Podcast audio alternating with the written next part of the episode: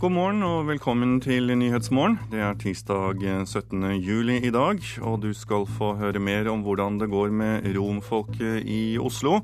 Hvordan situasjonen er i den diplomatiske tautrekkingen om Syria, og at unge mennesker rammes oftere i arbeidsulykker. Programleder i dag det er Tor Albert Frøsland. Norge må ta bedre grep om rompolitikken. Det mener professor i rettssosiologi Christian Andenes ved Universitetet i Oslo. Så lenge Norge er med i internasjonale samarbeid i Europa, må Norge være forberedt på å få ulike typer folk inn i landet, sier han.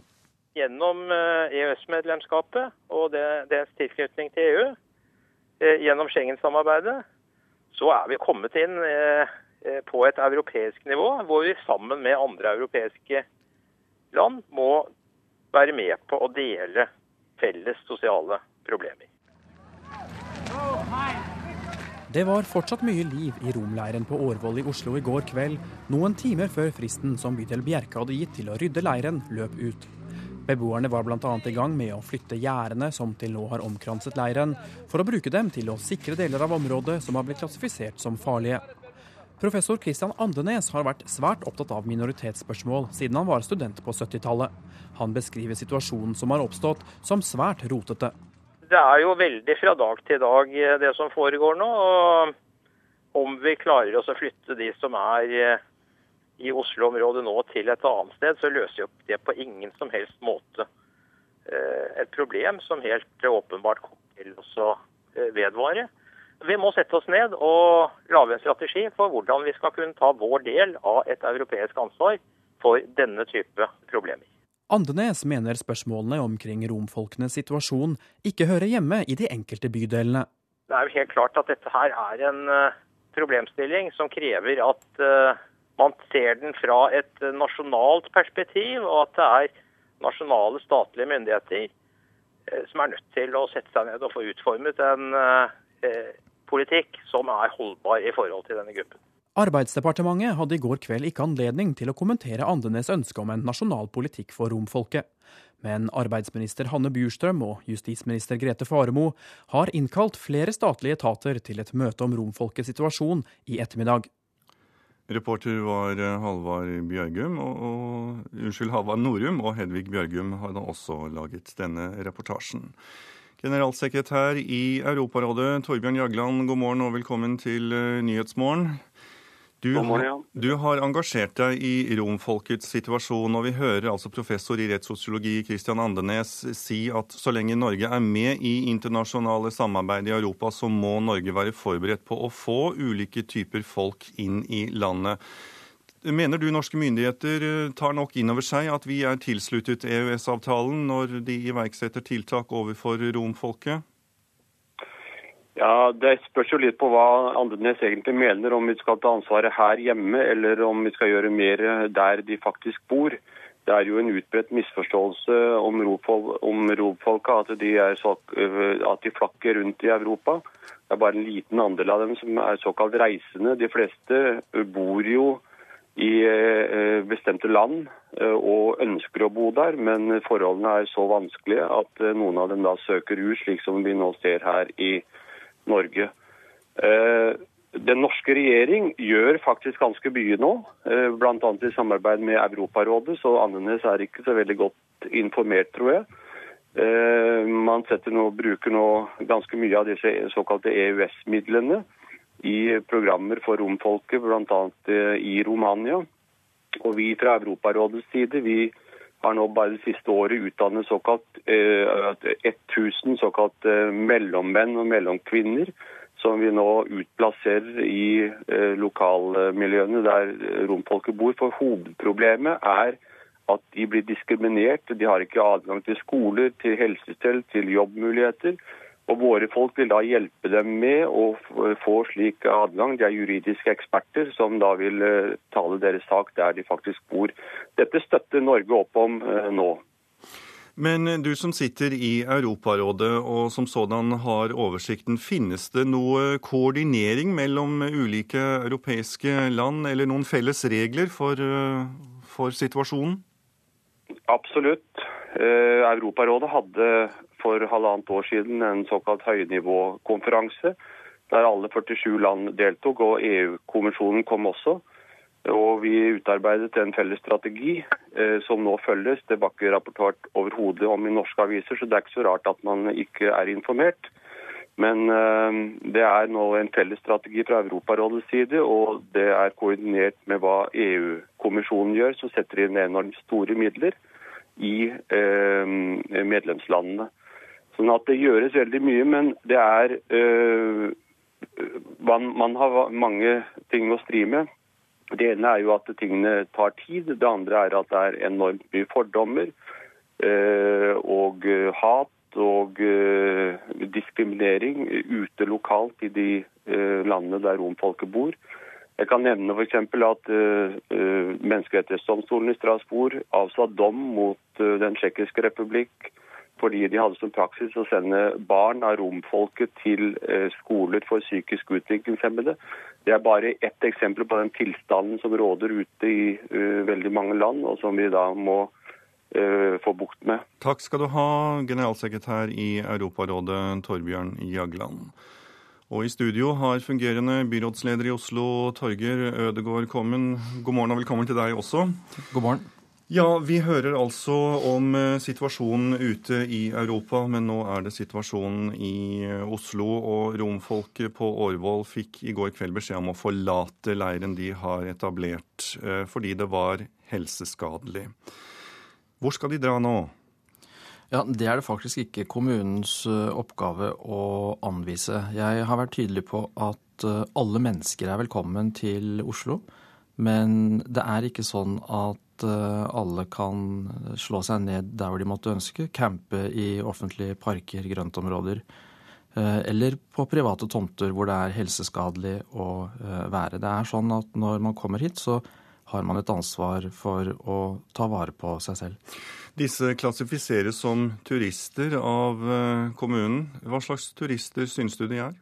Eh, jeg har ikke noe behov for å klassifisere folk. Eh, folk er folk. Jeg syns man skal behandle alle mennesker med respekt. Jeg syns man skal behandle alle mennesker likt. Jeg, hvis jeg får lov, så må jeg si at jeg er veldig enig med det Torbjørn Jagland sa tidligere i innslaget. Det er viktig at Norge og flere andre land gjør mer, gjør en større innsats for å hjelpe flere der hvor de bor. Man løser ikke problemet med å eh, reise rundt. Men for meg så er det viktig å si at alle er velkommen til eh, Oslo. Vi klassifiserer ikke folk, deler ikke folk inn i grupper. Alle er velkommen. Men man kan altså ikke slå seg ned akkurat der man måtte ønske. Det gjelder for alle mennesker. Nei, men til tross for at alle er velkommen, så som vi ser, oppfører kanskje ikke alle seg på samme vis. Og noen faller kanskje en smule utenfor. Hva kan kommunen gjøre? Ja, Det kommunen ikke kan sitte og se på, det er iallfall at folk eh, oppholder seg og camper og bor inne på områder som, hvor det er farlig å bo. Eh, bydelsoverlegen har vært helt klar. Den tomten som eh, de nå er på, der er det steinhauger med 8-10 meters høyde hvor det kan rase fra. Dette er ikke noen campingplass. Dette er et steinbruddlignende område, et farlig sted å være. Der kan det ikke være. Jeg, vi hørte at regjeringen har innkalt til krisemøte om romfolk i dag. Hva håper du kommer ut av dette møtet? Nei, Jeg håper jo at eh, regjeringen tar eh, et ansvar. Som det også ble sagt tidligere i innslaget, så mener jeg at det er behov for å ta et uh, nasjonalt initiativ. Dette kan ikke overlates til enkelte kommuner. Takk skal du ha, fungerende byrådsleder i Oslo, Torger Ødegård. Da skal vi utenlands, for mens kampene nærmer seg den syriske hovedstaden, fortsetter det internasjonale diplomatiet for fullt. I går kveld satt FNs spesialutsending til Syria, Kofi Annan, i møter med Russlands utenriksminister Sergej Lavrov de to snakket ikke til pressen etterpå, men i dag møter Kofi Annan president Vladimir Putin. Og Moskva-korrespondent Hans-Wilhelm Steinfeld, du er med oss eh, fra Russlands hovedstad. Markerte Lavrov bare gårsdagens posisjon i det syriske spørsmålet, eller kom det noe glidning? Ja, Det er all grunn til å tro at Lavrov markerte nettopp den posisjonen Russland har inntatt, fordi fra morgen til kveld ble dette veldig sterkt vist på alle russiske medier. Så foran dagens møte med president Vladimir Putin ville det være en stor overraskelse hvis Kofi Annan under middagen i går, som vi ikke vet noe om, eh, oppnådde noen konsesjoner fra russisk side. Men uh, før møtet med Annan så sa Lavrov at Vesten driver utpressing for å få russerne inn i folden og stemme for tøffere sanksjoner i FNs sikkerhetsråd. Hvordan argumenterer russerne for dette? Ja, De mener at uh, her er begge parter godt bevæpnet. Og uh, Lavrov sa også at uh, Vesten med USA i spissen er ganske uhøflig overfor Russland når man anklager Russland for ensidig å støtte Assad-regimet. Der er russerne kontraktbundet når det gjelder våpenleveranser. Men han sa også at eh, vestmaktene med USA i spissen holder observatørkorpset ledet av den norske general Robert Mood som gisler av situasjonen for å presse Russland i Sikkerhetsrådet. Mandatet til denne eh, observatørstyrken utløper nemlig 20.07. Ja, hvordan kan russerne påvirke FN-observatørenes mandat og en eventuell forlengelse av oppdraget i Syria? Ja, Her ligger striden i FNs sikkerhetsråd, for nå har russerne foreslått én resolusjon, USA og vestmakten en annen. Ifølge den uh, russiske utenriksminister krever vestmaktene sanksjoner mot Syria. I hvert fall klare trusler om det. Det mener også russerne er utpressing. Og FN-mandatet må nedfelles i en resolusjon i Sikkerhetsrådet. Og blir man ikke enige om det, så blir det ingen forlengelse av mandatet. Og det ville Russland syntes var trist. Heri ligger kanskje håpet om at man jobber seg litt nærmere hverandre. Fordi også russerne russerne ønsker mot sin styrke på plass i, i, i, Syria. Men kan du forklare oss hvorfor russerne tar belastningen med den voldsomme kritikken landet møter i Vesten for sin steile holdning i Syria? Ja, dette er takk for sist for Libya i fjor, der Russland mener USA misbrukte FN-mandatet til å bli del av en borgerkrig. Viktigere er det at dette er realpolitikk i russernes sydlige bakgård. Eh, når det gjelder den nordøstlige delen av Midtøsten, så ligger Iran der, Aserbajdsjan ligger der, de tidligere sovjetrepublikkene i Kaukasus. Kort sagt den bløte buk under det russiske imperium, hvor man er ganske nervøs for å få inn økt amerikansk innflytelse. Det så vi i forrige tiår, da amerikanerne var ganske tungt inne med rådgivere i Georgia. Det medførte krigshandlinger i 2008 som EU konkluderte med at det var Georgia som skapte. Så russerne har et veldig nøye blikk på stabilitet i denne regionen. Og da mener russerne at verdenssamfunnet ikke bare må kjøre på Assad, som ikke er så isolert ifølge Russland som vestmaktene hevder, men at begge parter, opposisjon og regime, må presses til en slutt i kamphandlingene. Takk skal du ha, korrespondent Hans-Wilhelm Steinfeld. Du hører på Nyhetsmorgen i NRK P2 og Alltid nyheter. Klokken har passert eh, sju med 16 minutter, og dette er hovedsakene. Norge må ta bedre grep om rompolitikken. Det mener professor i rettssosiologi Christian Andenes ved Universitetet i Oslo. Mens kampene nærmer seg den syriske hovedstaden, fortsetter det internasjonale diplomatiet for fullt. Og arbeidstakere under 25 år er mye mer utsatt for ulykker på arbeidsplassen enn andre. Ja, Som jeg nettopp sa, de unge arbeidstakerne er mer utsatt for ulykker på arbeidsplassen. Tall fra Statens arbeidsmiljøinstitutt og Arbeidstilsynet viser at ungdom er overrepresentert i de om lag 250 arbeidsulykkene som skjer hver eneste dag. De er 50 mer utsatt enn øvrige eh, arbeidstakere. Og eh, da trengs det litt ekstra ansvar fra arbeidsgiversida. Det sier Christian Tangen i LOs ledelse. Også Arbeidstilsynet er bekymret for situasjonen. Riktig opplæring og god kunnskap om sikkerhet på arbeidsplassen er så viktig, sier regiondirektør Truls Johannessen. For ikke alle arbeidsskader kan fikses med en kjapp tur på legevakta. Støy f.eks. Eh, man tenker kanskje ikke over det, men det å bli eksponert for, for eh, støy i ung alder, eh, det kan det gå både ett og flere år til før det slår ut. Og så er det dette med ergonomi vi ser jo at dette med muskel- og skjelettlidelser eh, er også som folk flest plages av. Selv om de fleste av de under 25 år jobber i varehandel og servicebransjen, skjer de fleste arbeidsulykker hvor ungdom er involvert, innen bygg- og industriarbeid. Der kan det gå hardt for seg, sier Johannessen. Det er vanskelig å trekke frem enkelthenvendelser, men vi ser jo at det gjerne er fallskader og, og stikkskader og, og, og hudlidelser som, som, plages. LO vil nå at arbeidsgiverne skjerper seg og gir bedre opplæring. Kristian Tangen mener dette er deres ansvar, og at de må ta grep. Vi er bekymra for situasjonen pga. at vi ser at arbeidsgiverne eh, sluntrer unna med å gi grundig opplæring. Det er like viktig i et kort arbeidsforhold som en sommerjobb å gi grundig opplæring, som loven sier at man skal gi, eh, som det er i et langvarig arbeidsforhold. Så når unge er mer utsatt, så, så sluntres det. Avdelingsdirektør for arbeidsliv i NHO, Lars Jakob Him, er bare delvis enig i det. Dette er en problemstilling hvor flere må bidra, mener han. Det syns vi er et tredelt ansvar. Eh, for det første så har arbeidsgiveren en ansvar selvfølgelig i forhold til å gi god opplæring og gjøre grundige risikovurderinger og gjøre arbeidstakeren trygg. Eh, samtidig så mener vi at det bør satses mer på Eh, kunnskap om dette i, før man kommer ut i arbeidslivet, altså utdanningsløpet, kanskje særlig yrkesutdannelsene. Og for det siste så mener vi også at de ansatte har et medansvar for å sikre at det er god opplæring og eh, forebyggende arbeid, særlig rettet mot eh, også de unge.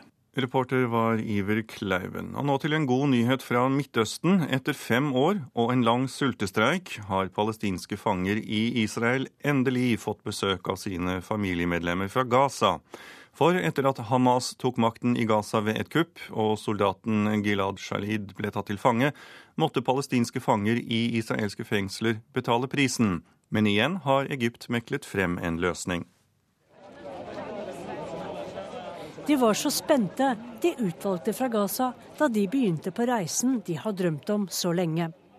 Endelig skulle Om Ibrahim få treffe sønnen sin, som sitter i fengsel i Israel. Jeg kan ikke engang beskrive følelsene mine. Jeg er så glad.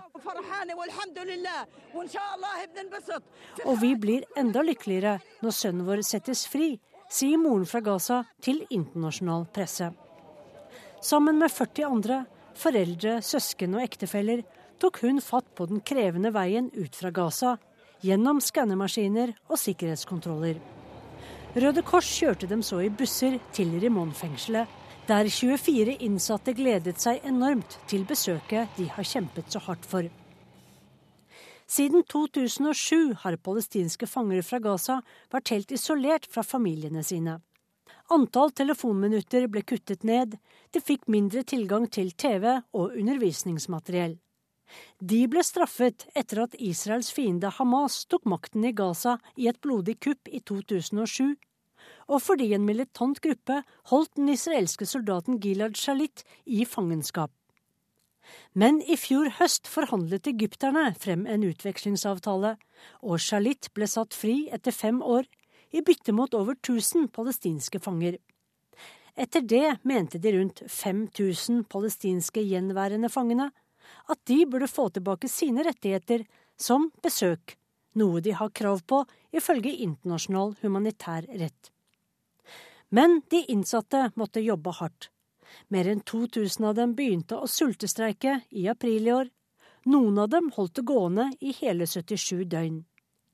De krevde bedre soningsforhold og at Israel slutter å holde palestinere i varetekt på ubestemt tid uten lov og dom. Også denne gangen meklet egypterne, og israelske myndigheter kom palestinerne i møte på flere punkter. Tårene rant fritt i Remon-fengselet i går. Mødre fikk se sine sønner, koner sine menn. Jeg begynte å gråte da jeg så mannen min for første gang på sju år, han så så annerledes ut, sa én kvinne etterpå. En talskvinne for det israelske fengselsvesenet sier at flere besøk snart vil bli gjennomført, siden gårsdagens visitt foregikk uten problemer. For nå venter 300 andre Gaza-fanger også på besøk. Vi har ikke fått se sønnen vår på sju år. Nå håper vi inderlig at våre navn står på den neste listen over dem som får tillatelser, sier Mohammed Al-Ansar til Associated Press. Det sa reporter Sissel Wold. Vi ser på forsidene til avisene, og vi begynner med Aftenposten, som skriver om ensomhet. For det er flere unge enn eldre som føler seg ensomme i Norge.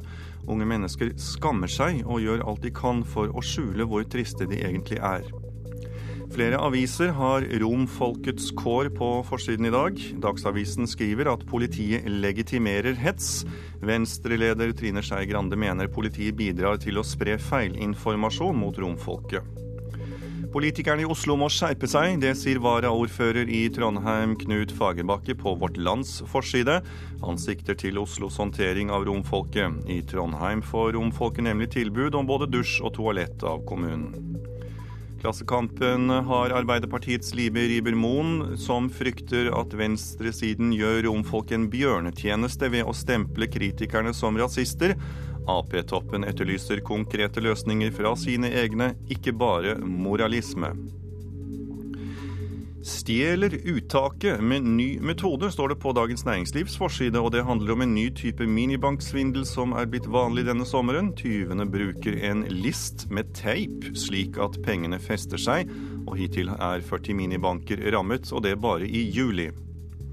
Nasjonen har flommen i Nord-Norge på sin forside, og det er bøndene som er hardt rammet eh, når avlingene er ødelagt og jorder oversvømt og veier har rast ut.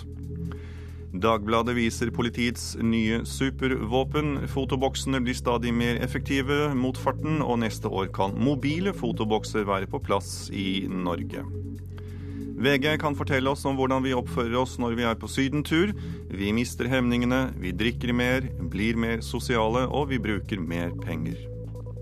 Bergensavisen forteller om den lykkelige historien til tidligere Arbeiderpartistatsråd Grete Knutsen, som forteller hvordan hun vant over kreften. Stavanger Aftenblad forteller oss om en mystisk sykdom som rammet Ove Fløysvik, fordi sykdommen er ukjent og det ikke kan settes en diagnose på hvorfor han mistet både taleevne og førlighet, så får han ingen opptrening. Sport nå. Tor Hushovd utelukker ikke at han satser til OL i Rio de Janeiro i 2016. I går ble det klart at den tidligere verdensmesteren går glipp av årets leker i London. OL er jo absolutt noe av det største. Jeg tror Som en nordmann så har vi fått inn litt sånn med, med morsmelka. og Derfor har det, har det, vært stort å ha en, en gullmedalje eh, hengende i skapet. Men det er klart, eh, det, det, tror jeg ikke alle utøveres drøm å, vinne OL eh, eller medalje, og, og, til og med være med i et OL. kan være stort. Tor Hushovd har aldri hatt hellet med seg når det gjelder alle utøveres store høydepunkt. I går ga han fra seg OL-plassen pga. helseproblemer og formsvikt denne sesongen. Også i 2008, før OL i Beijing, ble oppkjøringa ødelagt, da av en forkjølelse. Nei, OL eh, det er ikke akkurat eh, det som er, har vært min, min, suksess. Det beste er vel en syvendeplass fra Sydney i 2000, så det er klart det er ikke mye å skrive bok om det. Men Hushovd har ikke gitt opp håpet om en dag å stå med en olympisk medalje rundt halsen. Sørlendingen, som nå er 34 år, kan komme til å satse mot OL i Rio de Janeiro i 2016. Jeg har to år igjen av en avtale med BMC, og det er klart eh, de åra går fort. og Så jeg håper det at motivasjonen og ikke minst lysten er der da. Og da, da kan det fort bli, bli OL i Rio, men uh, det er klart, fire år eldre, da er han 38 år, da, begynner vi en gammel mann. Så du har ikke gitt opp muligheten for en OL-medalje? Nei, det har han aldri. Så lenge motivasjonen er der og, og helsa er intakt, så, så har han selvfølgelig rutine å gå på. Så det, det er fullt klart mulig. Reporteren her, det var eh, Vibeke Unnhjem. Universitetet i Malaga har utviklet datateknologi som kan komponere musikk helt uten menneskelig innblanding, og resultatet er såpass vellykket at selveste London Symphonic Orchestra nå skal spille inn dette på plate. Men mennesket er alltid bedre enn maskinen, det mener i hvert fall lærerne på Norges musikkhøgskole.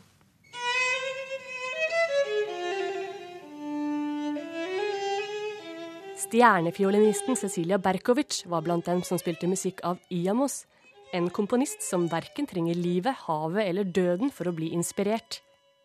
Iamos klarer seg med noen matematiske formler og en stabil strømforsyning. Den er nemlig en datamaskin.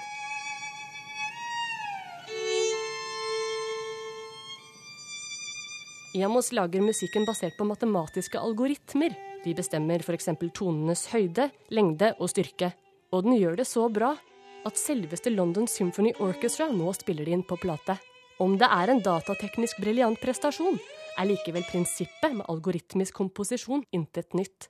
Selve teknologien bak det å, å, lage det vi da på fagspråket kaller algoritmisk musikk, den har vært eh, eksperimentert eh, ja, veldig lenge. Peter Tornquist underviser i komposisjon og musikkteknologi ved Norges musikkhøgskole, og har god oversikt over utviklingen på feltet. Jeg kan vise deg et eksempel her. Det er helt tilfeldig generert ut fra de, de tallene som man putta inn til å begynne med. Dette høres da ut som en film, filmmusikk. Men altså, kan man redusere musikk til matematikk? Nei. Du merker at det ligger ingen intensjon bak. Når en krets ryker i en computer, så blir den ikke bedrøvet. Men når jeg glemmer hva jeg heter, så kommer jeg nok til å bli bedrøvet. Sier musikkprofessor Olav Anton Thommessen. Det er klart at det fins kunst som er en idealisert utgave av estetikk. Og der kan sikkert computeren lage noe som er eh, vakkert. Ikke sant? Vakkert. I likhet med Tornquist mener han at gode musikere kan få datakomponert musikk til å høres OK ut, men at komposisjonsfaget på ingen måte er truet. Jeg tror ikke man kan eh, erstatte eh, menneskelige beslutninger helt. Reporter her, det var Ina Strøm. Og nå har Silje Sande kommet i studio for å gi deg Dagsnytt, og etter det skal du bl.a. få høre hva Argentina bruker OL i London til. Og vi skal også til Berlin, der det er sluttspurt i klimaforhandlingene før klimatoppmøtet i Doha.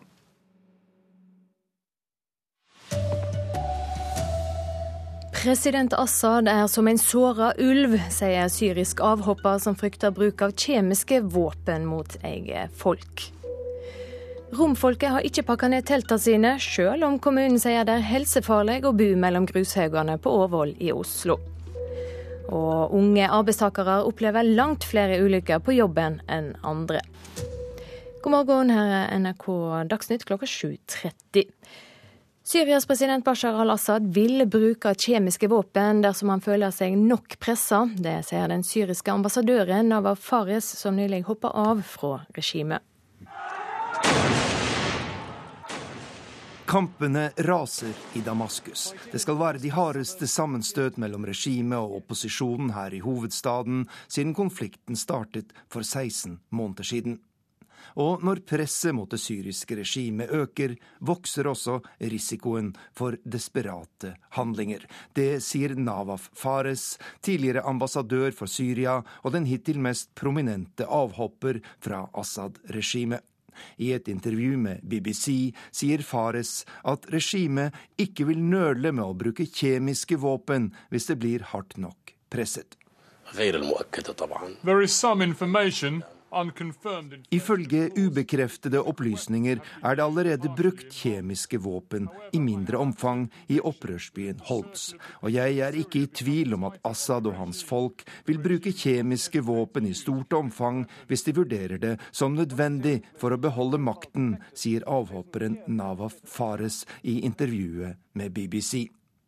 Det er kjent at syriske myndigheter har store lagre av kjemiske våpen, og det er stor frykt i nabolandene og blant vestlige regjeringer for at disse våpnene skal bli brukt eller komme på avveie. Avhopperen beskriver den syriske diktatoren Bashar al-Assad som en såret ulv trengt opp i et hjørne, og derfor beredt til å bruke masseødeleggelsesvåpen. Reporter Arnt Stefansen.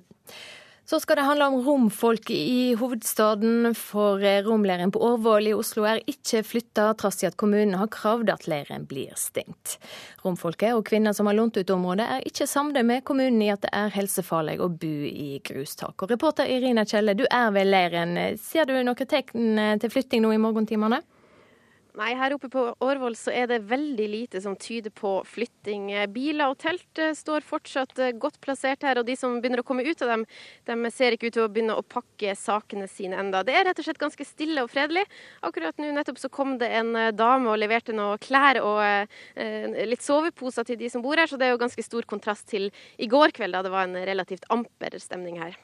Ja, for politiet har vært ved leiren i hele natt. Hva gjør de?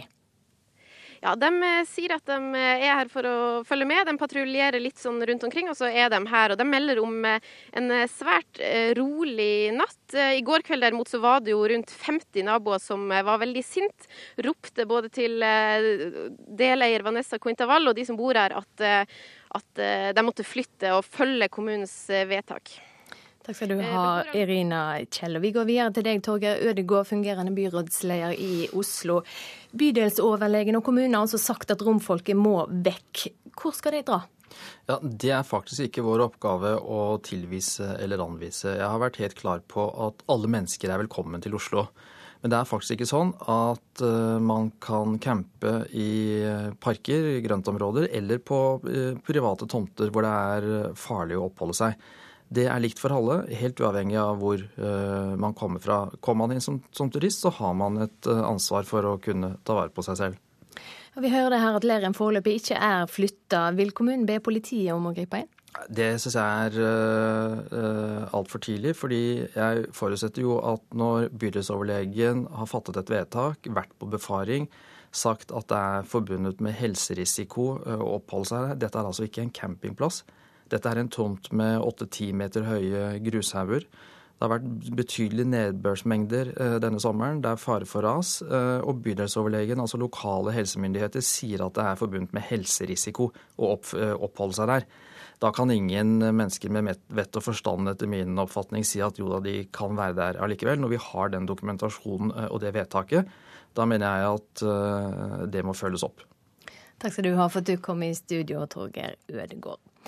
Vi skal høre at norske styresmakter må ta bedre grep om eh, romfolkpolitikken og ha en nasjonal strategi.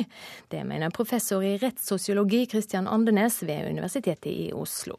Så lenge Norge er med i internasjonalt samarbeid i Europa, må vi være budde på at det kommer ulike grupper til landet, sier han.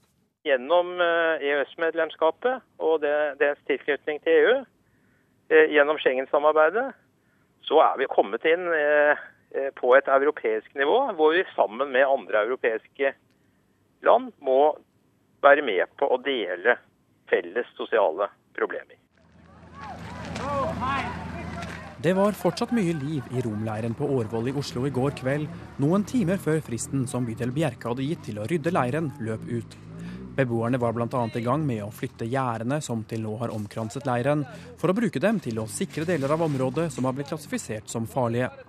Professor Christian Andenes har vært svært opptatt av minoritetsspørsmål siden han var student på 70-tallet. Han beskriver situasjonen som har oppstått som svært rotete. Det er jo veldig fra dag til dag eh, det som foregår nå. og Om vi klarer oss å flytte de som er eh, i Oslo-området nå til et annet sted, så løser jo det på ingen som helst måte eh, et problem som helt åpenbart kommer til å vedvare. Vi må sette oss ned og lage en strategi for hvordan vi skal kunne ta vår del av et europeisk ansvar for denne type problemer. Reporterer Halvard Norum og Hedvig Bjørgum. Arbeidstakere under 25 år er mye mer utsatte for ulykker på arbeidsplassen enn andre. Tall fra Statens arbeidsmiljøinstitutt og Arbeidstilsynet viser at ungdom er overrepresenterte i de om lag 250 arbeidsulykkene som skjer hver dag. De er 50 mer utsatt enn øvrige eh, arbeidstakere. og eh, Da trengs det litt ekstra ansvar fra arbeidsgiversida. Det sier Kristian Tangen i LOs ledelse. Også Arbeidstilsynet er bekymret for situasjonen. For regiondirektør Truls Johannessen sier det av og til kan gå hardt for seg for unge på arbeidsplassen. Vi ser jo eh, at det gjerne er fallskader og, og stikkskader og, og, og hudlidelser som, som plages. Det er i bygg- og industriarbeid de fleste arbeidsulykker med ungdom skjer. Arbeidstilsynet og NHO vil nå at helse, miljø og sikkerhet får større plass i skolen, og særlig innen yrkesfag. Christian Tangen og LO mener derimot at det er arbeidsgiverne som må ta ansvar her. Vi ser at arbeidsgiverne eh, sluntrer unna med å gi grundig opplæring. Det er like viktig i et kort arbeidsforhold som en sommerjobb å gi grundig opplæring, som loven sier at man skal gi, eh, som det er i et langvarig arbeidsforhold. Så når unge er mer utsatt, så, eh, så sluntres det. Arbeidsmiljøet i Norge er bra, selv om det alltid kan bli bedre. Det sier avdelingsdirektør for arbeidsliv i NHO, Lars Jakob Him. Han mener det må samarbeides for å få ned ulykkesprosenten blant ungdom og er ikke enig i kritikken fra LO. Jeg vil si at arbeidsgiverne tar ansvaret. Og eh, arbeidsmiljøet i Norge er godt. Men eh, det er forbedringspunkter, og det skal arbeidsgiverne ta tak i. Men det må man gjøre sammen med både de som utdanner ungdommen og de ansatte på den enkelte arbeidsplass. Reporter Iver Kleiven. Det er funnet synåler i smørbrød som ble serverte på fire ulike flyginger fra Amsterdam til USA. Flyselskapet Delta jobber nå for å finne ut hvordan nålene havna i maten. En passasjer fikk mindre skade. Så sport og sykling. Tor Hushovd utelukker ikke at han kommer til å satse mot OL i Rio i 2016. I går ble det klart at den tidligere verdensmesteren må droppe OL i London. Det tror jeg ikke alle utøveres drøm, Å vinne OL eh, eller medalje, og, og til og med være med i et OL. kan være stort. Tor Hushovd har aldri hatt hellet med seg når det gjelder alle utøveres store høydepunkt. I går ga han fra seg OL-plassen pga. helseproblemer og formsvikt denne sesongen. Også i 2008, før OL i Beijing, ble oppkjøringa ødelagt, da av en forkjølelse. Det beste er vel en syvendeplass fra Sydney i 2000, så det er klart eh, det er ikke mye å skrive bok om det. Men Hushovd har ikke gitt opp håpet om en dag å stå med en olympisk medalje rundt halsen. Sørlendingen, som nå er 34 år, kan komme til å satse mot OL Rio de Janeiro i 2016. Jeg har to år igjen av en avtale med BMC, og det er klart eh, de åra går fort. og Så jeg håper at motivasjonen og ikke minst lysten er der da. Og da, da kan det fort bli, bli, OL i Rio. Så du har ikke gitt opp muligheten for en OL-medalje? Nei, det har han aldri. Det er fullt klart mulig. Reporter Vibeke Unnhjem. Ansvarlig for eh, Dagsnytt eh, denne morgenen, Ragnhild Bjørge. Teknisk ansvarlig, Frode Thorshaug. I studio, Silje Sande.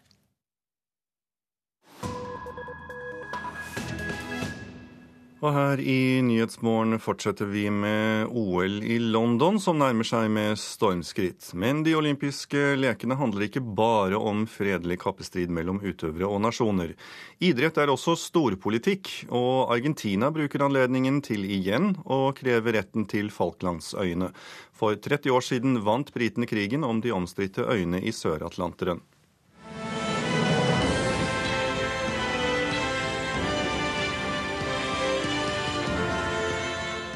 En ny krig er i gang mellom Argentina og Storbritannia om Falklandsøyene i Sør-Atlanteren. Men denne gang pågår kampene på internett. Og akkurat som for 30 år siden var det Argentina som løsnet det første skudd, med en video som har provosert britene kraftig.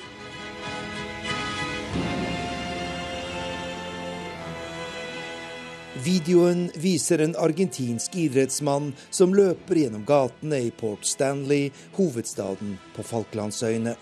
Det er kapteinen på Argentinas landslag i landhockey, Fernando Sylberberg, som angivelig trener foran OL i London. Videoen er laget på oppdrag fra den argentinske regjeringen og avsluttes med teksten For å konkurrere på britisk territorium forbereder vi oss på argentinsk jord. Det er vaktskifte ved nasjonalmonumentet over de falne i krigen om Falklandsøyene, eller Las Malvinas, som argentinerne kaller dem. 649 navn er meislet inn i svart granitt på monumentet som ligger ved Plaza San Martin i den argentinske hovedstaden Buenos Aires.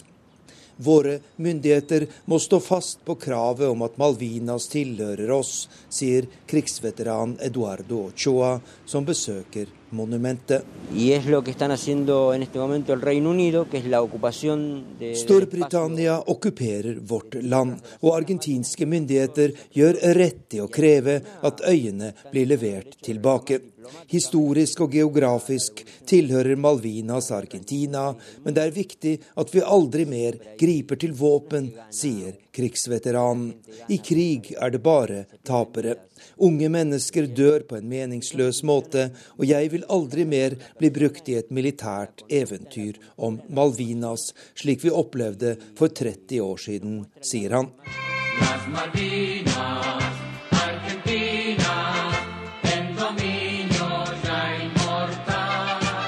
Det argentinske militærregimet invaderte Falklandsøyene våren 1982. Men Argentina ble påført et ydmykende nederlag da britene slo tilbake i en krig som ble avsluttet i juni samme år. Men for dagens argentinere handler det ikke om militærregime. Det handler om dype nasjonale følelser og det de ser på som en historisk urett. Derfor har landets president Christina Kirchner befolkningen bak seg når hun de siste månedene har iverksatt en kraftig kampanje mot det britiske herredømmet på øyene.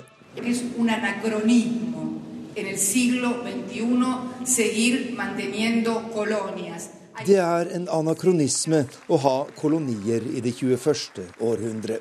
I dag finnes det bare 16 kolonier i hele verden, og britene har herredømme over flere av dem, sier president Christina Kirchner under et møte i presidentpalasset i Buenos Aires. Reporter her, det var Arnt Stefansen. Klokken passerte nettopp 7.44, og du hører på Nyhetsmorgen i NRK P2 og Alltid nyheter, og her er hovedsakene. Romfolket har ikke pakket ned teltene sine, selv om kommunen sier det er helsefarlig å bo mellom grushaugene på Årvoll i Oslo. Mens kampene nærmer seg den syriske hovedstaden Damaskus, fortsetter det internasjonale diplomatiet for fullt. Og Tor Hushovd utelukker ikke at han kommer til å satse til OL i Rio de Janeiro i 2016. Men nå skal vi til Berlin, for i dag er siste dag for møte mellom ministre fra over 30 land om klimaendringer. De skal forberede grunnen for et nytt klimatoppmøte i Doha i slutten av året. Og med meg har jeg miljøvernminister Bård Vegar Solhjell. Du er altså da i Berlin og skal ta fatt på siste forhandlingsdag nå straks. Kommer dere noe nærmere en bindende avtale om å redusere utslippene av klimagasser, Solhjell? Norge jobber jo systematisk for en så ambisiøs avtale som mulig, som gjelder flest mulig land i verden. Får dere med dere folk på dette? Jeg tror Det realistiske svaret er at det ligger et godt stykke fram i tid.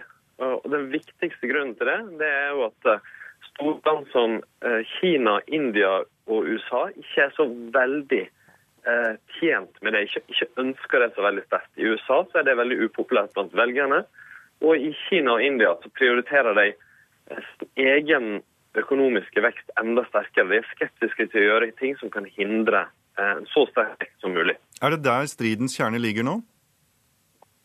Ja, det, det, er mange, eh, mange, utfordringer. Men jeg vil nok si at på mange måter som trer Kina fram som kanskje det viktigste landet i internasjonal klimapolitikk.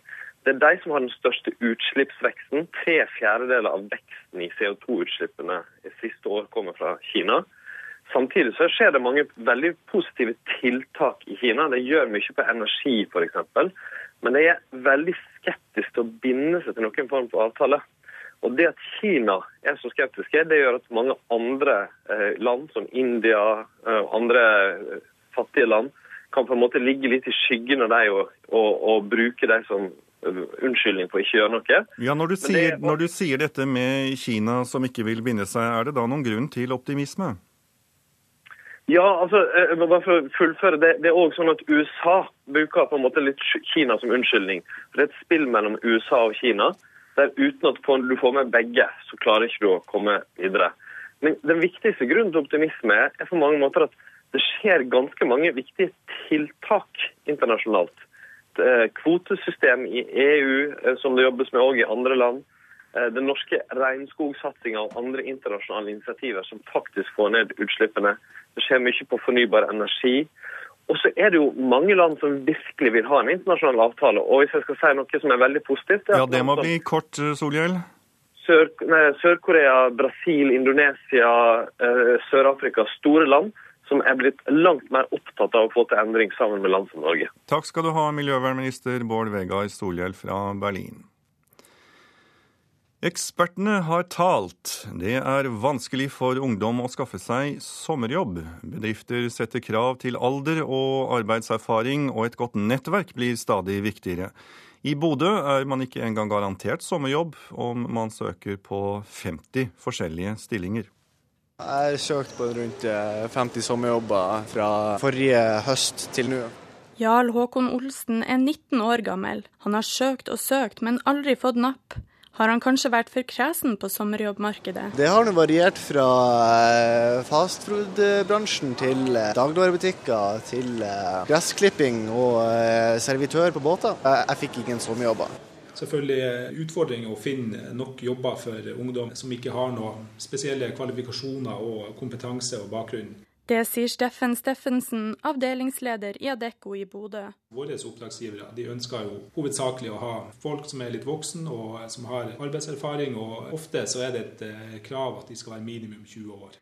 Steffensen syns det er synd at det er så vanskelig for ungdom å skaffe seg denne arbeidserfaringa, og utheve viktigheten av et godt nettverk. Veldig mange av de bedriftene som bruker ungdommer, går gjerne på bekjentskaper og slekt internt og venner. Og de har en så stor pågang internt at de trenger å hente eksterne utenfra for å gi litt arbeid om sommeren. Men hva kan ungdom uten dette nettverket gjøre? Sten Roger Sandnes jobber i oppfølgingstjenesten ved Vest-Lofoten videregående skole. For han hersker det ingen tvil om hva ungdom vil bruke sommermånedene sine på. Ungdom ønsker å ha sommerjobb. De ønsker å, vise at det er bruk for dem. De ønsker at det er noen som eh, har behov for dem. Og de ønsker å være en deltaker i arbeidslivet. Da er det viktig at eh, vi legger noen rammer og føringer sånn at vi får de inn og, og samarbeider med, med, næringslivet, så næringslivet må ta hele pakka når det gjelder økonomi. Sandnes kan fortelle om et spennende samarbeid mellom lokalt næringsliv og den videregående skolen. Tanken er at de utvalgte skal få undervisning tre dager i uka og jobb de resterende dagene. Det er jo ikke så unaturlig at de her ungdommene og bedriftene knytter seg til ganske unge. Uh, videreutvikler det samarbeidet med helgjobb, kveldsjobb, og etter hvert er de med i arbeidsdagen. Men det er ikke bare ekspertene som har råd til ungdom som sliter med å komme seg inn i jobbmarkedet. Også de som har trøbbel med å skaffe seg sommerjobb, vet hva som må til. Stå på, være aktiv og vise engasjement. Det tenker nok at eh, arbeidsgiverne liker, og det får deg til å bli ansatt. Men hvorfor legger bedriftene så strenge retningslinjer? Hvorfor er det egentlig så nøye med alder når man skal søke sommerjobb? Nei, Det er for at de har vel opplevd at man er litt mer voksen da, og tar eh, arbeidet litt mer eh, seriøst og kan arbeide litt mer selvstendig, ikke minst. Men så er man 15-16, da må man gjerne ha eh, direktiver på alt det man skal gjøre. Det kan virke som om sommerjobbsøkende ungdom går en noe vanskelig tid i møte. Til tross for det her er det optimisme å spore på gata i Bodø, og det viser seg at ungdommen kan bli en relativt billig arbeidskraft i sommermånedene. Det er for ungt å jobbe i butikk, så kanskje klippe plen eller rydde i gatene f.eks. Nei, jeg, tar, jeg skal ikke ta masse i lønn akkurat. Sikkert 20-30-50 kroner og sånn. Ja, det var ikke stor i lønnen. Reporter var Katrine Olsen Sørgaard. Da skal det igjen handle om romfolkets kår her i Nyhetsmorgen. Folk er ikke nådige i sine oppfatninger om romfolket som har slått seg ned på Årvoll i Oslo. De siste dagene har hetsen flommet over både fra naboer og andre som har sett seg lei på beleiringen fra folkegruppen. Og i går kveld melder flere medier om munnhuggeri mellom romfolket og naboer. På, på, besøk her i studio nå er eh, stortingsrepresentant for Oslo Fremskrittsparti, Peter N. Myhre. Velkommen skal du være. Ja, tusen takk. Hvordan ser du på dette, eller denne situasjonen nå? Er det blitt et stort sirkus, eller er det en tragedie? Det er nok først og fremst det siste. Dette er tragisk fordi det dreier seg om eh, mennesker som eh, er EØS-borgere. De er turister, og de har et ubetinget ansvar for å sørge for oppholdet sitt selv. Eh, og de har også et ansvar for å følge norske lover og regler. Eh, og eh, så har de også gjort seg selv veldig upopulære ved å oppføre seg sånn som de har gjort. Og det gjør at situasjonen blir tilspisset, og at folk blir sinte. Og denne tilspissingen har bl.a. ført til at din egen partileder Siv Jensen gjerne vil sende dem ut av landet med buss så fort som mulig. Er det en slags hvite busser-aksjon dere i Fremskrittspartiet vil sette i gang? Det er i hvert fall et tiltak for å normalisere forholdene. Det er vel også ikke så veldig lenge igjen da, til skolestart i disse landene, Romania og Bulgaria.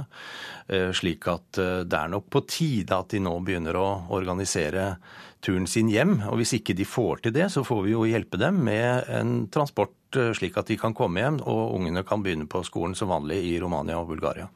Vi har tidligere hørt eh, generalsekretær i Europarådet Torbjørn Jagland her i Nyhetsmorgen fortelle om felles europeiske tiltak. Men eh, hvordan mener du myndighetene bør løse det som skjer?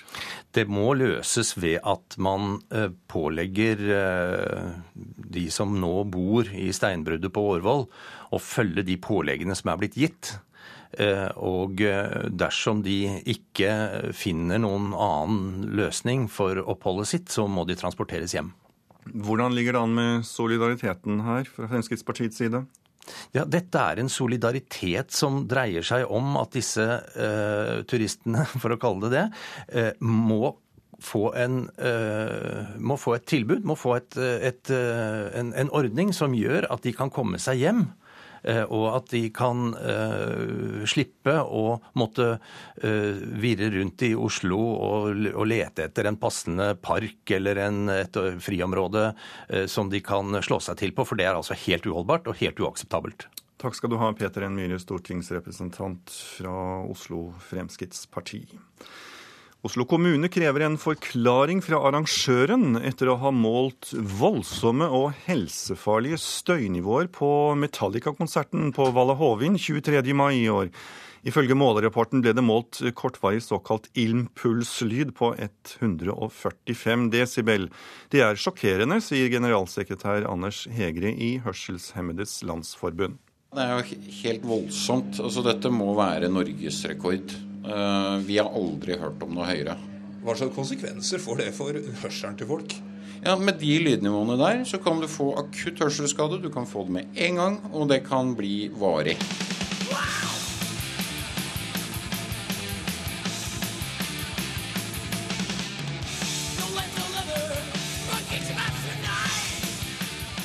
At de amerikanske tungrockerne i Metallica spiller høyt, er knapt noen nyhet.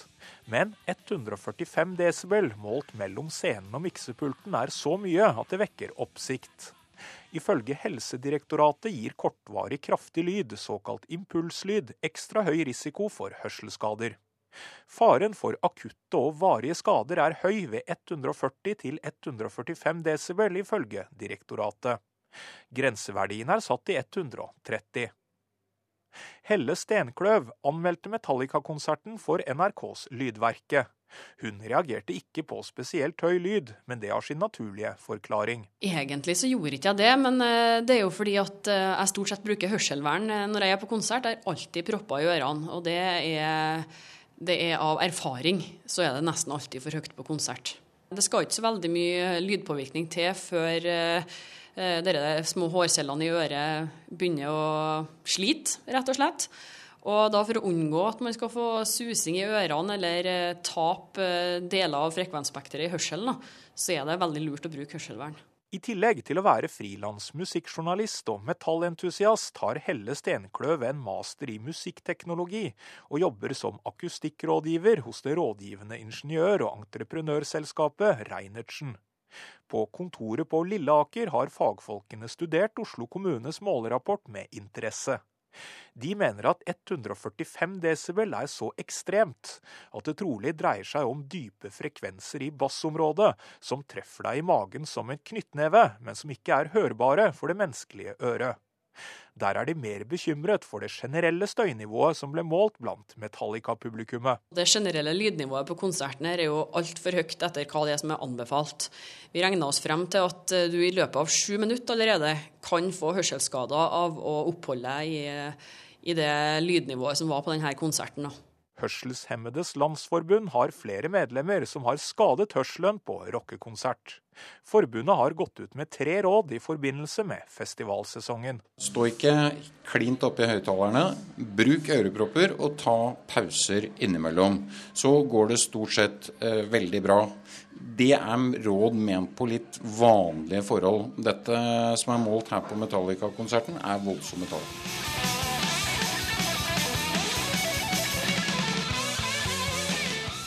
Reporter var Olav Juven, og konsertarrangør Live Nation vil ikke kommentere saken pga. ferieavvikling, men kommunen skal få svar innen 15. august.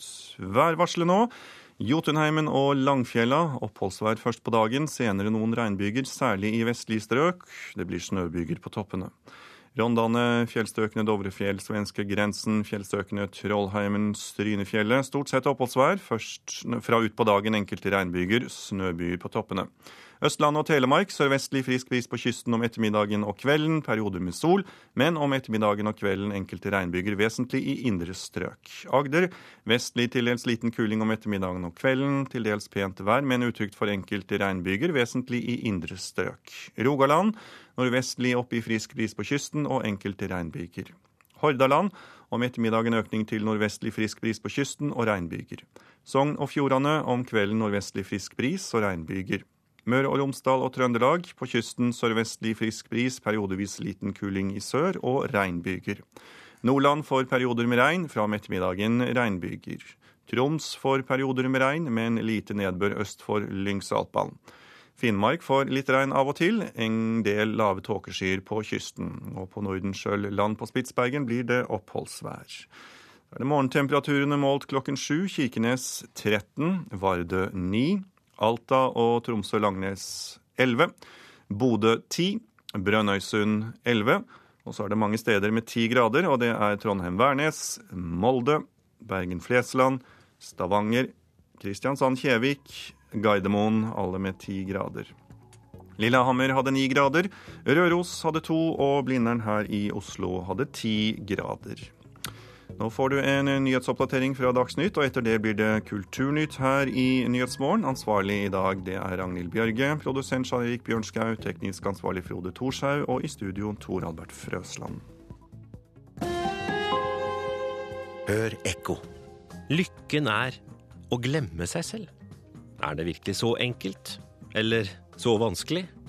Ekko ber en filosofisk praktiker om hjelp til å finne ut hva lykken er, hvor den er, og hvorfor vi søker den hele tiden. En time ekko i hele sommer mellom klokka ni og ti i NRK P2.